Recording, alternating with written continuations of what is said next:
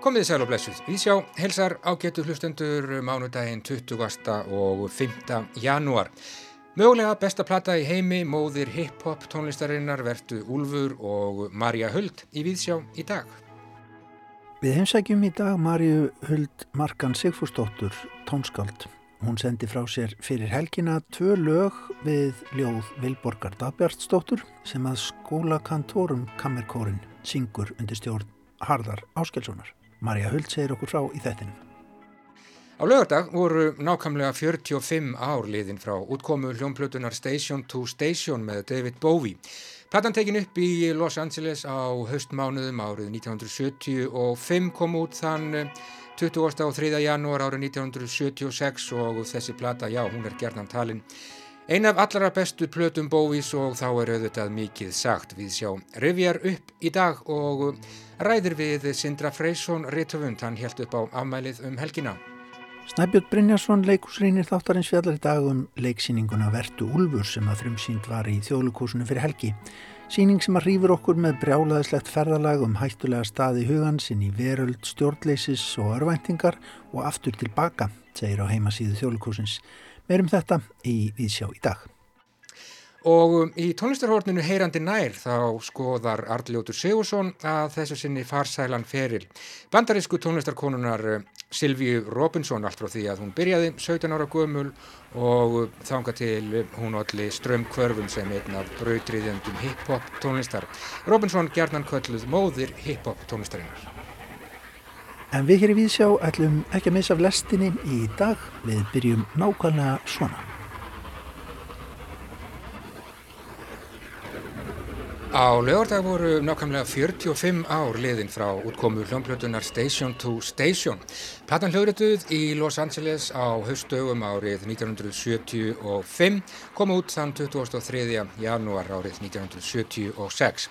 David Bowie hafði tekið á sig nýtt gerfið The Thin White Duke og svo sannarlega var hann hóraður og svo sannarlega var hann fölur. Platan tekin upp í mikill í manju og það er vekt til orða tekið, margar krassandi sögur mætti segja af því. Okkar maður ekkert sérlega vel fyrir kallaður á kafi í kokainu og allskynns vafasömum fræðum. En það kom þó ekki niður á sköpunarkleðinni, Station to Station er á mörgum tælan einhver albesta plata báís og þá er auðvitað mikið sagt, raunar mjög mikið. Við rifum upp þessa plötu Station to Station í Víðsjá í dag fyrir svörumverður Sindri Freysson, rittöfundur, sem fór auðvitað í sparifjötin á lögardag að gefnu tilhemni.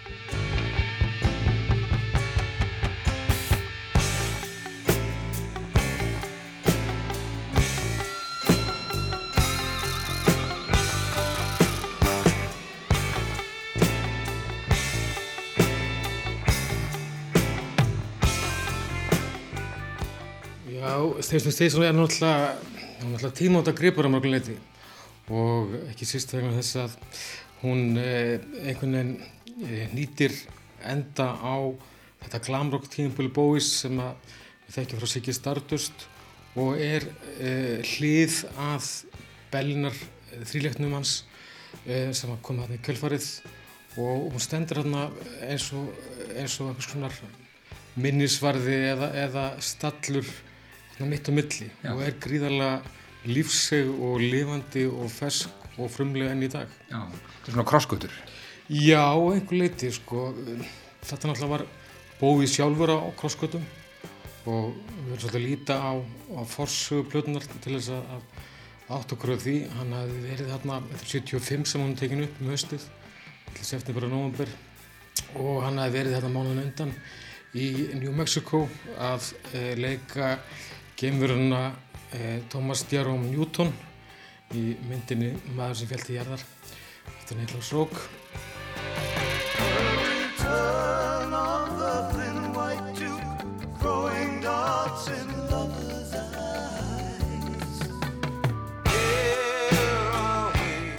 Og eh, hann var eh, nýkominn úr þeim tökum. Hann var ennþá einhvern veginn e, marineraður í þessari gemuru mm -hmm. e, var búin að tilenga sér svona á eitthvað með þá tátt ymsa svona kannski eitthvað útlitt þessara típu og, og ákveðin persónleika E, á sama tíma var hann að innbyrða mikið magnaf af örðandi efnum, mm -hmm. sérstaklega kokaini og amfetaminni og var á kafi í, í dulsbeki og kukli. Já.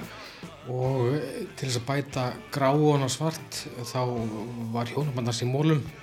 Hann bjó í Los Angeles e, sem hann hataði fyrir honum var borgaengluna, borgatjöflana og hann hefði þar ekki í þessu tölsbyggi grubli sínu eh, vilst út í það að skoða hvað nazistaðan höfðu verið að gera í, í sínum pælingum e, og e, var frá stúder á svona fasismann áráðustekni og, og e, áhrif líðskrumara og fasista einnaserra á fjöldan fólk var ekki innkjöft fyrir þessum munum eins og Trump til dæmis. Og, og þessi eitraði koktill sem hann þarna var búin að hræra sér í.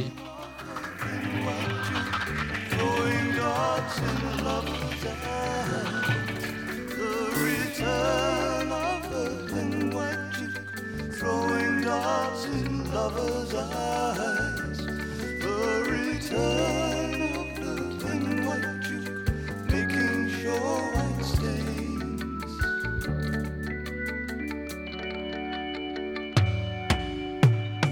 Once there were mountains on mountains, and once there were sunbirds who saw with, and once I could never be down. E, verður svona einhvers konar e, leiðar Stefans inn í þessa plötu já. og hann er náttúrulega, hann er já, grindhorar orðin, hann er þessi þessi þinnvæð djúk sem hann var búið sér til þarna fór niður eftir 50 kílum aðurinn eitthvað svona lifið það veldi einni paprikadag og lítra mjölk og, mm. og, og já, og síðan kleif hann kókaðan fjallið upp og niður eins og, eins og sérpi akkorði upp Mount Everest sko já. Þannig að þegar hann kemur inn í stúdíu þannig höstum uh, 1975 þá er hann alltaf bara flaka manni en hann uh, sannaði það að tilvist að greppa þarf ekki jafngilda sköpuna greppum mm. og úr þessu þessari görótu blöndu þá bruggar hann Steinsson Steinsson og uh, sem er náttúrulega ótrúið blata vegna þess að hún, hún er svo, svo þett og hún er svo aðgengileg en um leið svo mystísk og erfitt að ráða í hann.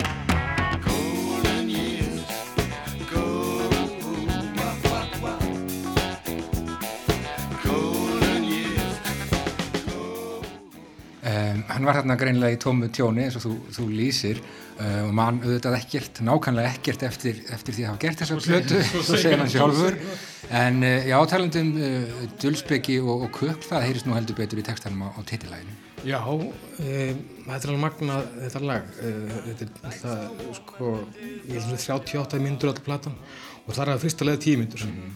Og uh, það byrjar með þessari, þessu, þessari, sko, ég mann þegar ég heyrði þetta lag fyrst sem unglingur áður maður að fara að rýna eitthvað í textan og slikt þá náttúrulega tólkum við þetta sem eitthvað svona hraðlest sem væri bara stjórnlaus og leiðinn í eitthvað göng skemmtunar og, og, og hérna og, eh, já, ljótra hluta sko. Og e, síðan eftir þryggja mérna intro sem var nú búið til með gíturum og alls konar prenglunum og syngurum á, á gítarljómi þá kemur þessu rödd út úr þessum göngum, sterkar rödd svona eins og síðan e, já, bóða mann á svið og segir okkur af endur komu hins e, hvít granna eða grannkvíta e, hertoga sem að e, kastar pílum í augu elskendana. Mm -hmm. og maður bara verður einhvern veginn, maður, maður er, er, er seldur þar og þá sko. Já,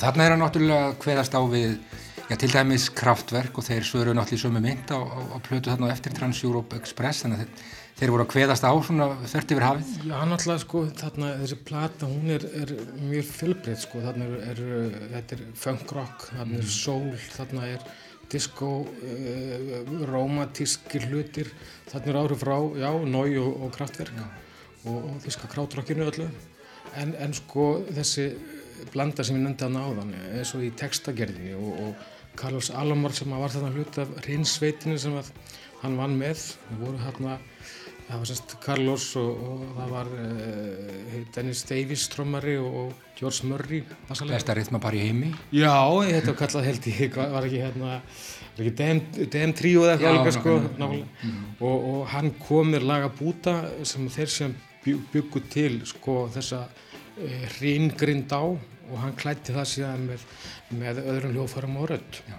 En Alomar hefur sem sagt að eh, textarnir voru alltaf mikilvægstir fyrir bófi og hann lagði raunveru á stað með þá og einmitt þarna sem sést nú best í títileginu þá er hann sko þessar stöðvar þessar station to station sem hann tala um eru ekki lestastöðvar eins og maður held fyrstum úlingur mm -hmm. heldur eru þetta áningarstaðir Chris í hans píslargöngu að leiðin upp á Golgata Nákvæmlega. Og hann stoppaði hann held ég einhverju 14 stöðum og einu stað er hann laðminn af rúmarskum herrmann og öðrum stað kemur Marja Magdalena og gefur hann vatn og svo framvegs og inn í þetta blandast e, minni frá Kabalatrú gýðinga eða ekki hennu gýðinglegu Kabalatrú er það sagt og ímyndilegt dulsbyggi frá Alstók Króli Shakespeare.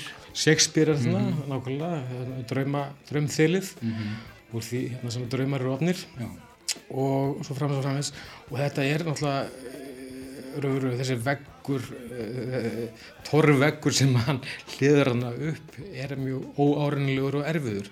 En samanskap mjög heillandi. Og, og þessi típa sem að þessi, þessi, þessi þinnum að djúk sem er sko óaðfinnilegur að sjá uh, óaðfinnilega klættur þú veist, fagur ásýndum en er einhvers konar Eh, að innan eh, án kjallegs án, já, án kjallegs án samkjöndar mm -hmm. án eh, vonar einhvern veginn sko er eitthvað svona kóka hvít fristikistað innan mm. hann er, er einhvern veginn að, að í leit að, að svona sönnu tilfinningum og, og þessum kjallega og, hann, og það er náttúrulega endur speklar þá leit sem að bói var sjálfur í leita að sjálfsmynd og leita sjálfi á sama tíma okay.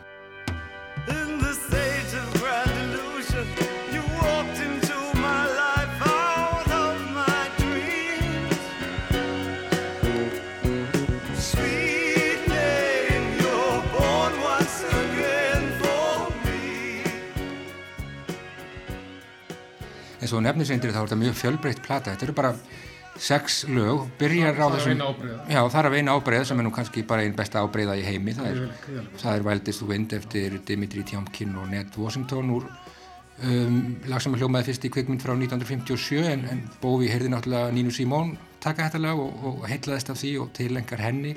Sína versjón þarna eru við með uh, Golden Year sem er svona já, við hálfgerð hann gerður rakara stofusöngur sem hann ætlaði að láta Elvis Presley hafa en, en kongurum mun hafa hafnað því því miður. já, svo kemur þarna í lokin á, á fyrirliðinni Sálmur þar sem Bóvi bara fer niður á hnén. Og bara ákallar Guð já, og Guðdamun og mm. er, er þarna það er líka þessi kristilega hlýða blöðinu sko, og kannski náttúrulega í þessu sálmið sem hann segir sem er, er Word on a Wing mm -hmm. þar sem hann er bara hann ákallar eitthvað aðra og, og býður um uh, hjálp frá okkur og aðra aflið til þess að, að finna sjálf á sig og, og leiða sig á rétta bröð. Já, heldur ekki einn þunga einhvern veginn. Já, nákvæmlega.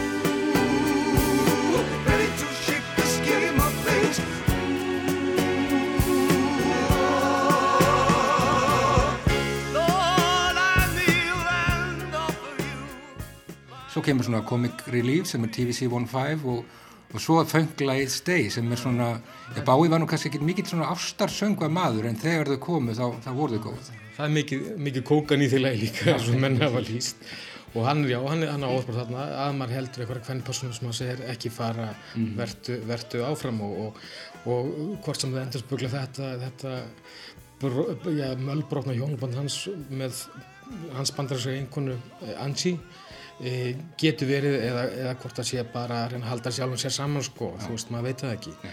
en, en eh, þetta er þessi fimm lögur sem kallast á þarna, þrýðarlegið á, á fyrirlið e, vínilblöðunar og lokalæð á henni mm. semst þar sé að Wordon og Wing annars vegar og, og Waldis the Wind hins vegar það myndar á símyndir það myndar alveg upp á þann sko.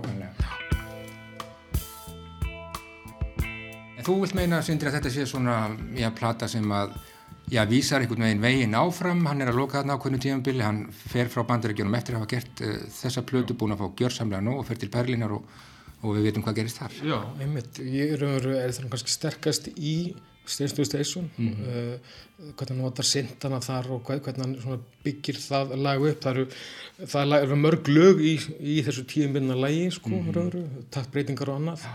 og stemningar. Og, og með þetta fer hann inn í, í síðan Lóf og, og Bellunar e, e, þýlikinn Já, nákvæmlega. 45 ár liðin á lögortega frá því að Station to Station kom út uh, Sindri Freysson bestar platt í heimi?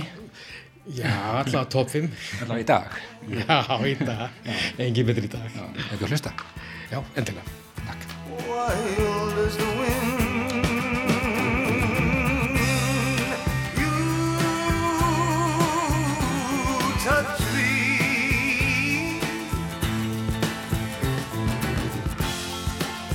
I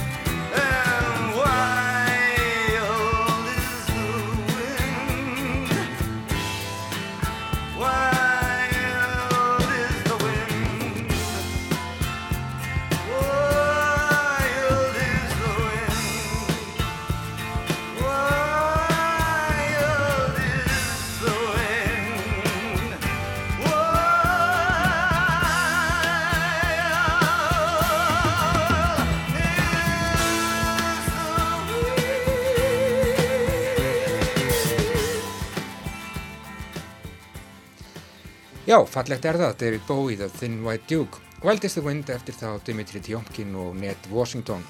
Lag sem hljómaði fyrst í samnemndri kvikmynd frá árinu 1957 en Bowie hitti Nínu Simón árið 1975 þeim varð vel til vinna og hann dáði hana mjög, það var gagkvæmt. Simón gerði auðvitað á sínum tíma reynd frábæra útgáfu af þessu lagi og Bowie kallast á við hana í sinni versjón Wild is the Wind lokalag hljómplötunar Station to Station.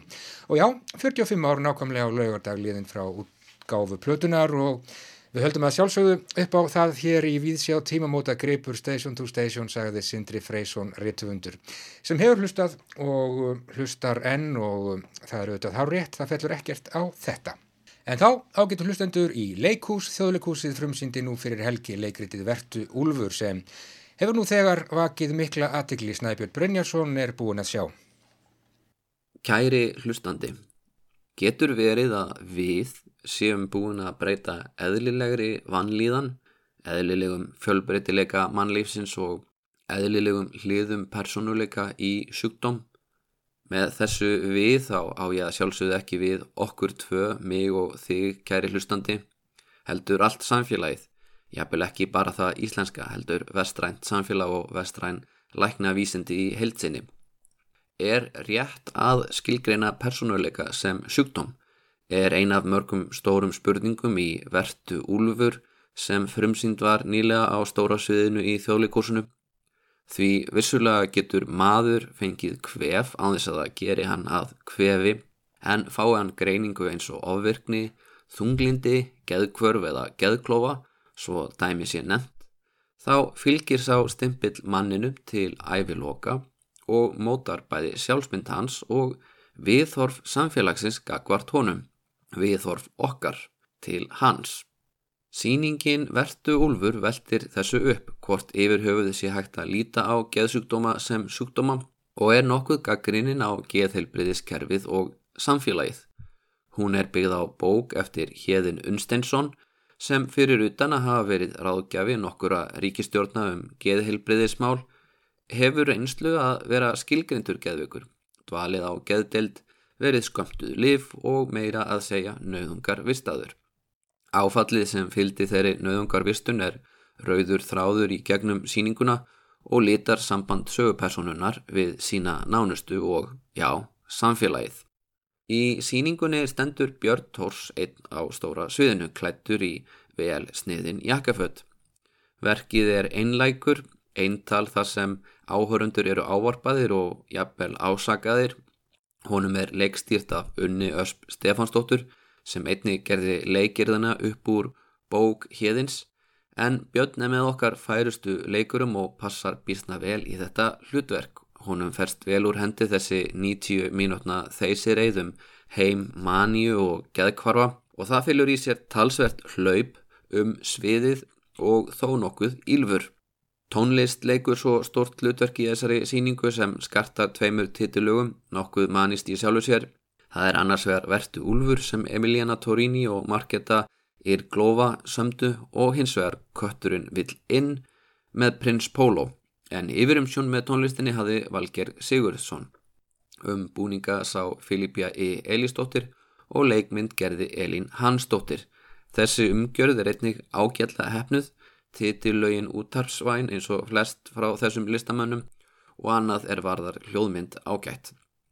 Stóra sviðið er eins og nafnið gefur til kynna stærsta svið þjóðleikúsins og vanalega eru íbyrðameri sviðsverk með fleiri leikurum færðu upp þar en svo heppilega vill til að COVID-19 hefur sett stryk í reikningin og fjöldatakmarkanir hafa mögulega gert stærri síningar íll mögulegar eða í það minsta síður markaðsvænar. Eftir því sem listamennir hafa sagt í fjölmiðlum stóð fyrst til að setja verkið upp á minna sviði sem væri synd því starðin á sviðinu passar vel við maníuna og undistrykar hversu einn hérðin er á móti öllum heiminum. Sviðið er þó aldrei tómlegt því Elín skapar ágættir sjónarspil með vatni, skuggum, sandi og myndbandsverkum svo dæmi séu nefnd. Uppsetningin nýtir leikúsið afar vel á þess þó að ég vilji ljóstur upp hvernig það er gert en leikurinn í það minnsta tegir ánga sína viða. En hvernig kemur þetta svo allt saman? Eins og áður saði þá er síningin leikgerð upp úr bók hérðins sem segir persónulega sögu hans allt frá því hann, ungur fókbóltastrákur í Borganesi sem stefnir á læknanám, veikist svo alvarlega að hann fer á endanum á geðdeild þar til hann eftir mörg ár á lítjum finnur að hann er komin að endastöð. Kreatín er að sapnast upp í nýrunum, skjaldkirtillin að gefa sig og hann í samráðu við lækni ákveður að draga úr skamtinum smám saman og fara á hjartalif sem reynist koma honum algjörlega úr jafnvægi og yfir í manju sem að lokum endar á frekar dramatískan máta. Það er stiklað á stóru í lífi hérðins, hoppað yfir áratýji fram og tilbaka og ekki alltaf kafað djúft í það sem gerðist. Stundum var skautað fullmikið á yfirborðinum og margt óljóst og mörgu og svarað. Sjarmi og orka Björns gerir mikið fyrir verkið og sömuleiðis ljóðrætt tekstinn sem oft er bísna fallegur. Spurningarnar í verkinu eru verðugar, er geðviki raunverulega til, er heilbreyðiskerfið að breyðast fólki með ofur markasvæðingu, ofur markasvæðingu sem reyðir sig á liv til að bæla niður enginni frekar en að leita raunverulegra lækninga. Höfum við útskúða fólki og búið til varúlfa úr mönnum fyrir það eitt að gangi ekki í takt við samfélagið. Eins og hérðin bendir réttilega ágæta samfélag í heilsinni fengið ránkumindir og manísk köst svipað á árin 2007 og 2008 þegar hagkerfið ofitnaði og Íslendingar fengu ofurtrú á eigin viðskipta snild. Það væri maníst verkefni að reyna að svara öllu þessu í einni uppfærslu Leggsýningar eru líka hendurinn miðl til að spyrja en að svara með skýrum hætti. Á heldina litið er vertu úlfur metnaðar fullur einleikur sem hefnast ágætlega, stundum töfrandi en þó stundum langdregin, en þó áallt kröftugur, oft fyndin, sorglegur og spennandi í senn. Saði Snæbjörn Brynjarsson. En þá aftur að tónlist hér í Víðsjá á mánudegi Arljótur Sigursson og tónlistarhornið Heyrandi nær. Gjör þið svo vel.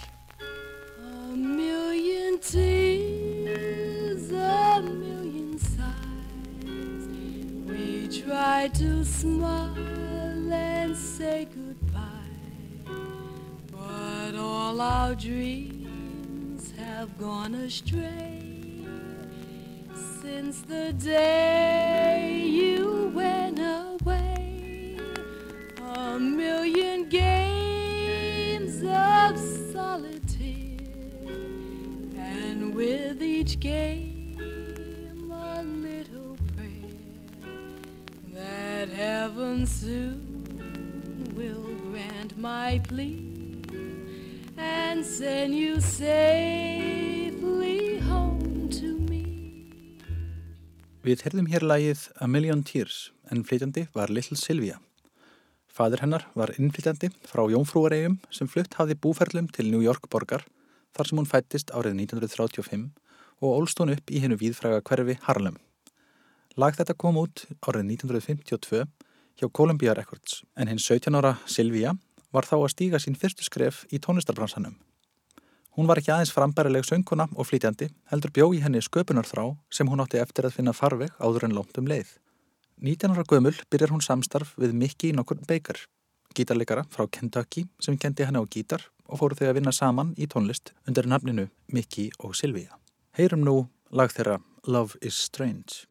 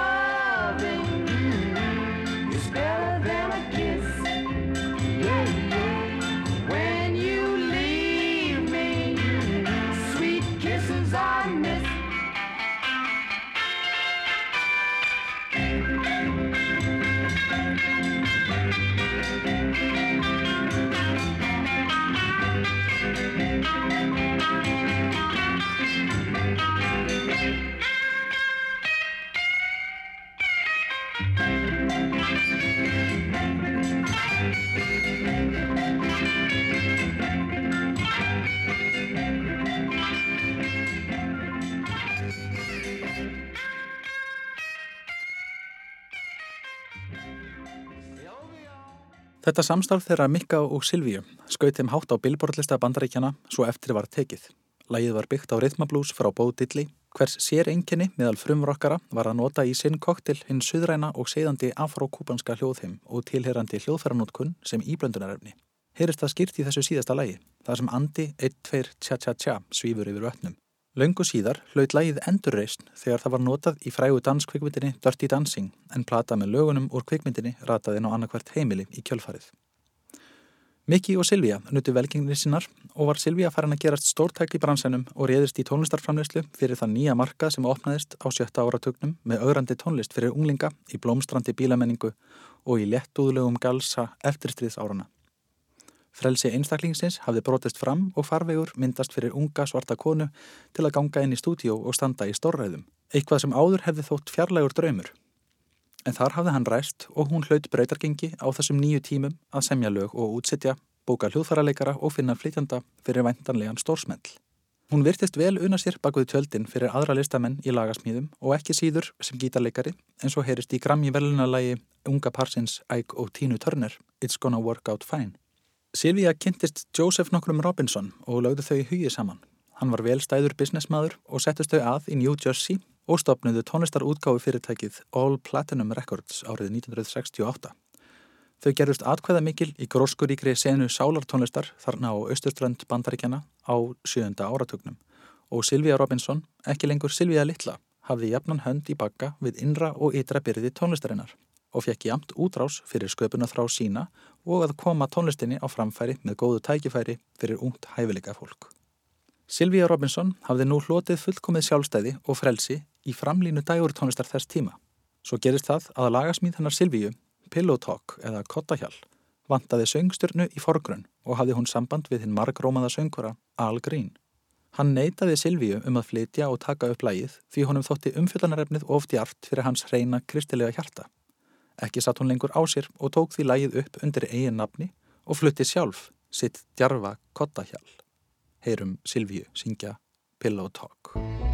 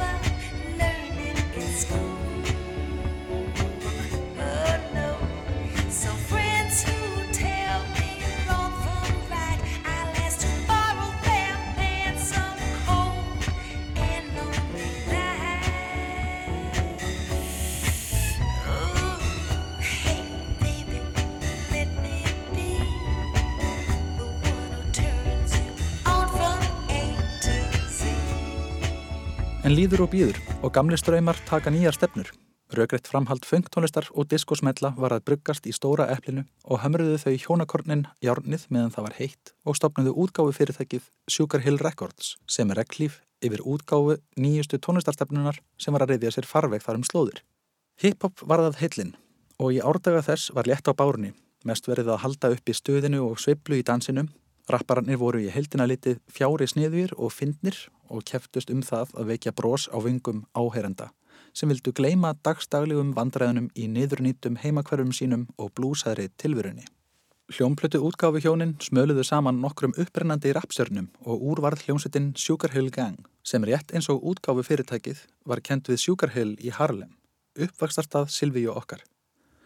Sigurhæðar gengið átti svo fyrsta stóra rapsmellin og kom rappinu á kortið. Hlustum á brot úr því lægi þeirra, Rappers Delight, sem er flestir eflaust kannast við. I said a hip hop, the hip it, the hip it to the hip hip hop. You don't stop the rocker to the bang bang boogie. Say up jump the boogie to the rhythm of the boogie to beat. Now what you hear is not a test. I'm rapping to the beat, and me, the groove, and my friends are gonna try to move your feet. You see, I am Wonder Mike, and I like to say hello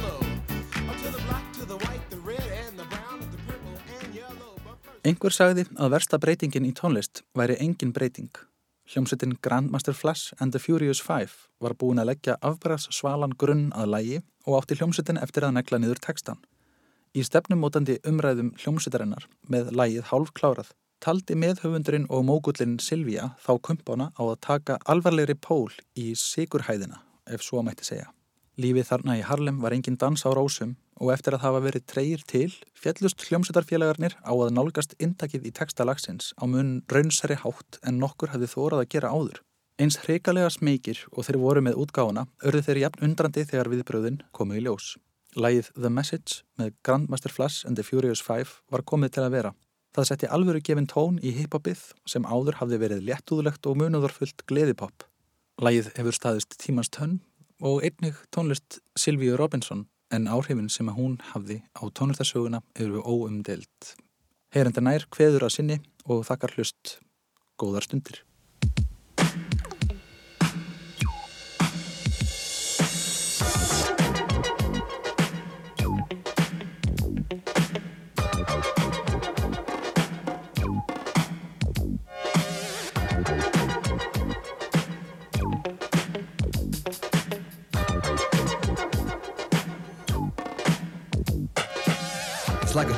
Sometimes. It makes me wonder how I keep from going under.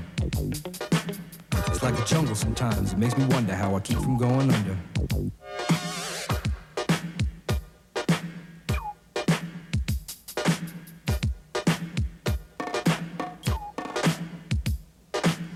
Broken glass everywhere. People on the stage, you know they just don't care. I can't take the smell, can't take the noise. Got no money to move out, I guess I got no choice. Rats in the front room, roaches in the back, junkies in the alley with the baseball bat. I tried to get away, but I couldn't get far, cause a man with a tow truck repossessed my car. Don't push me, cause I'm close to the edge. I'm trying not to lose my head. it's like a jungle sometimes. It makes me wonder how I keep from going under. Standing on the front stoop, hanging out the window, watching all the cars go by, roaring as the breezes blow. A crazy lady living in a bag, eating out of garbage pails. Used to be a fag hag, such a dance to tango. Skipped the life and dango. A zircon princess seemed to lost her senses. Down at the peep show, watching all the creeps, so she could tell her stories to the girls back home. She went to the city and got so so so did it. She had to get a pimp, she couldn't make it on her own. Don't push me, cause I'm close to the edge. I'm trying not to lose my head. Já, The Message, Grandmaster Flash, Arljótur Sigursson í tónlistarhorninu Heyrandi nær og Silvía Robinson, Little Silvía, eh, stundum kölluð móðir hip-hop tónlistareinar. Við heyrum aftur í Arljóti hér í Víðsjá að viku liðinni. Við höldum áfram að huga tónlist nýrri íslenskri kórtónlist sem að kom út á föstudag. Tvö ný lög Maríu Huldar Markan Sigfúsdóttur við ljóð Vilborgar Dábjartsdóttur, Maríu Kvæði og Kom Vinnur.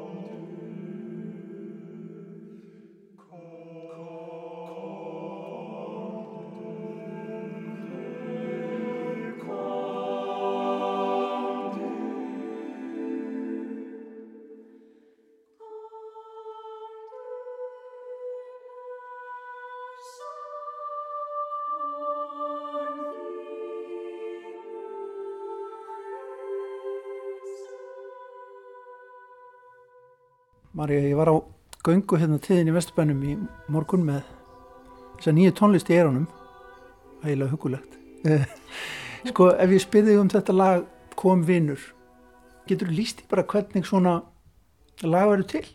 Ég samti það sem sagt upphaflega fyrir uh, sumartónleika í Skálholti 2017 þar sem ég var staðatónskáld. Uh, samti það til þess að vera að flytta fljómiki og var þá í rauninni bara að leita mér að efni við og, og fór að glugga í ljóðasafninu Vilborgar, Hildarsafninu og heitlaði svo mikið af þessum texta, þessu kvæði, þessu ljóði.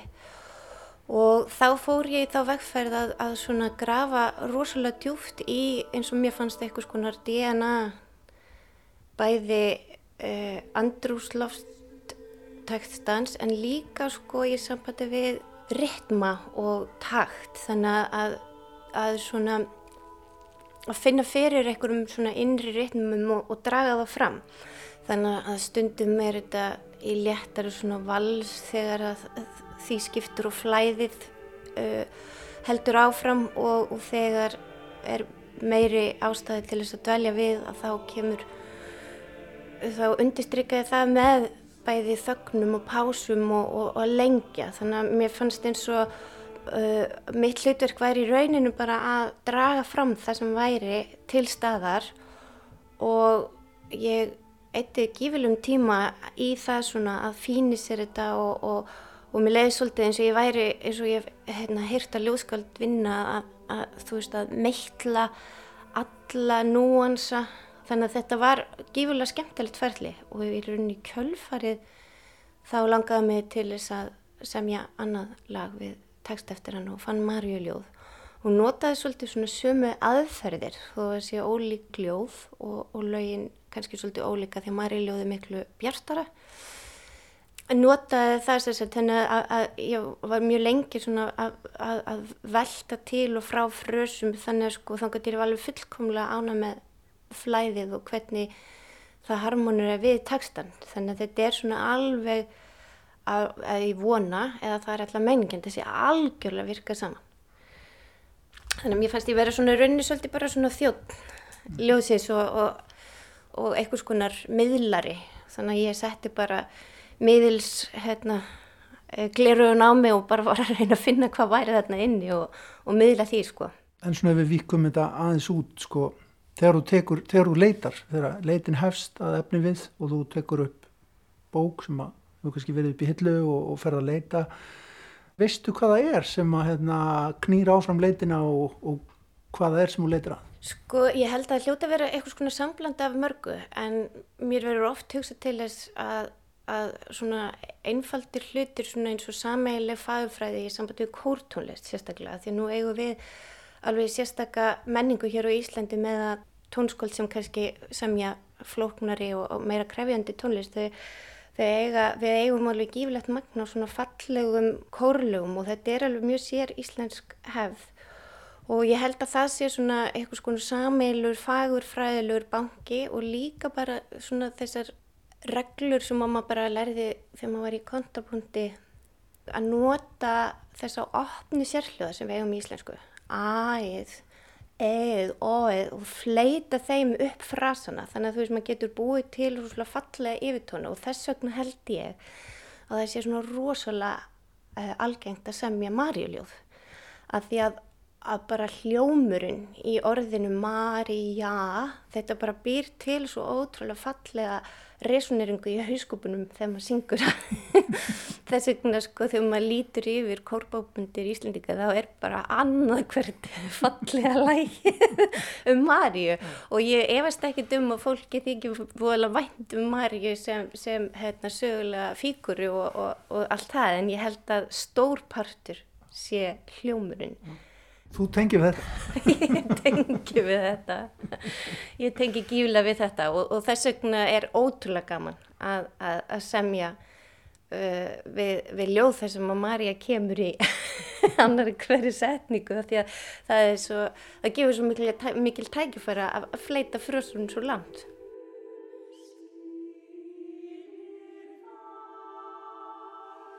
Morgunverk Fyrst átti ég að sópa eldúrstýra hlaðið og vera búinn að því þegar mjölkurpósturinn kæmi, klukka rúmlega sjö. Laufið lá í haugum á hverjum morgni. Þetta var óvenju mollulegt haust. Fúa þefin lagður rottnandi laufdingjónum. Eina nóttina kom stormur. Þak plöturnar skröldu og trén lömdust um í æðisgenginni kvöl. Ég skalf af hræðslu, en þorði ekki að kveikja ljósið. Nágrannarnir voru vísir til þess að semja frið við frúna. Bara til þess að geta kæfta því að vinnukona leti ljósið loga á nóttunni. Um morgunin fekk ég ríkulega umbun fyrir skelvingar næturinnar. Tré nágrannans hafði stráð fagur gulum full þroska plómum yfir hlaðið. Ég týndi þær í kenguru vasan á svundunni minni og faldi þær undir afþurkunar klútnum. Kvöldið eftir bað ég drottinum rók. Í nætur húminu lá ég andvaka og heyrði kulið vakka greinum plómutrésins. Örlítið hvassara, drottin minn góður, bað ég auðmjúk. Hvenær hefur himna fadirinn skeitt um morgunsult fátæklings? En það kom ég ekki í hug að dekstra karlinn. Heldur let ég það verða mitt fyrsta verk í morgunsárið að reka sópin upp í blómutréð þar sem það slútt yfir vekkin. Ekki samdi drottin í jafi bóðorðin handa þjónum, vinnukonum eða hvenn fólki yfir leitt. Þau gerðan einungis handa húsbændunum. Þess vegna rauf ég enga sætt þegar ég hristi nýður plómurnar. Nú þurfti ég ekki að býða ángistar full eftir naumum leifonum þess. Ég stóð í eldústýronum og hlustað á strákslegt blístur vinar míns, svartþrastarins, sem týndi reyniber út í gardinum, meðan ég átt gómsætar plómur nágrannans og hló að komandi degi. Nú eigum við í safni útvarsins Rödd Skálsins, uh, Vilbjörgar Dabjastóttur, með þessa svona sérstöku rödd uh, og, og flotta flutning á einn ljóðum. Uh, sko hefur þau lengið dástað hennar, hennar verkum? Í rauninni ekki, það var ekki fyrir en ég bara fór að kynna með málið í tengslu við að lesa heildarsafnið og, og þar er svona góður formáli sem svona aðeins reyfar hennar sögu. Síðan er sko, er margir af mínum vinum og kunningjum sem voru í Östubæðaskóla þegar hún var kennari þar og öllum þykir svo rúslega væntum hana þeim sem hafa komist í kynni við hennar og, og þannig að, að mér fannst eða merkilegt að ég hef ekki vitað um hennar fyrr og, og að þessi arleð væri ekki bara á allara vörum. Þannig að mér fannst svo, fyrst að ég var búin að gera þessi tvö kórverk sem eru svolítið svona andlega skild, þau eru svona svolítil sískinni, þá, þá sótt ég þess um styrk núna síðasta vor í, hérna, í COVID, hérna, björgunar styrkjapakkanum um bara að, að, að drífa í að taka þetta upp með skólakantórum og tilefni var meðal annars að hún varð nýræð á síðast ári og mér langaði bara til þess að gefa eitthvað af mig tilbaka til hennar. Mér finnst þetta bara bara svona, svona eila svona eins og tvö kórljós svona gjöf inn í í e, skamdegi núna og, og finnst þetta bara mjög spennandi að gefa þetta út svona sér og báti í staðin fyrir að hafa þetta part af einhverju starra og líka svolítið skemmtilegt að sjá hvernig tekst til.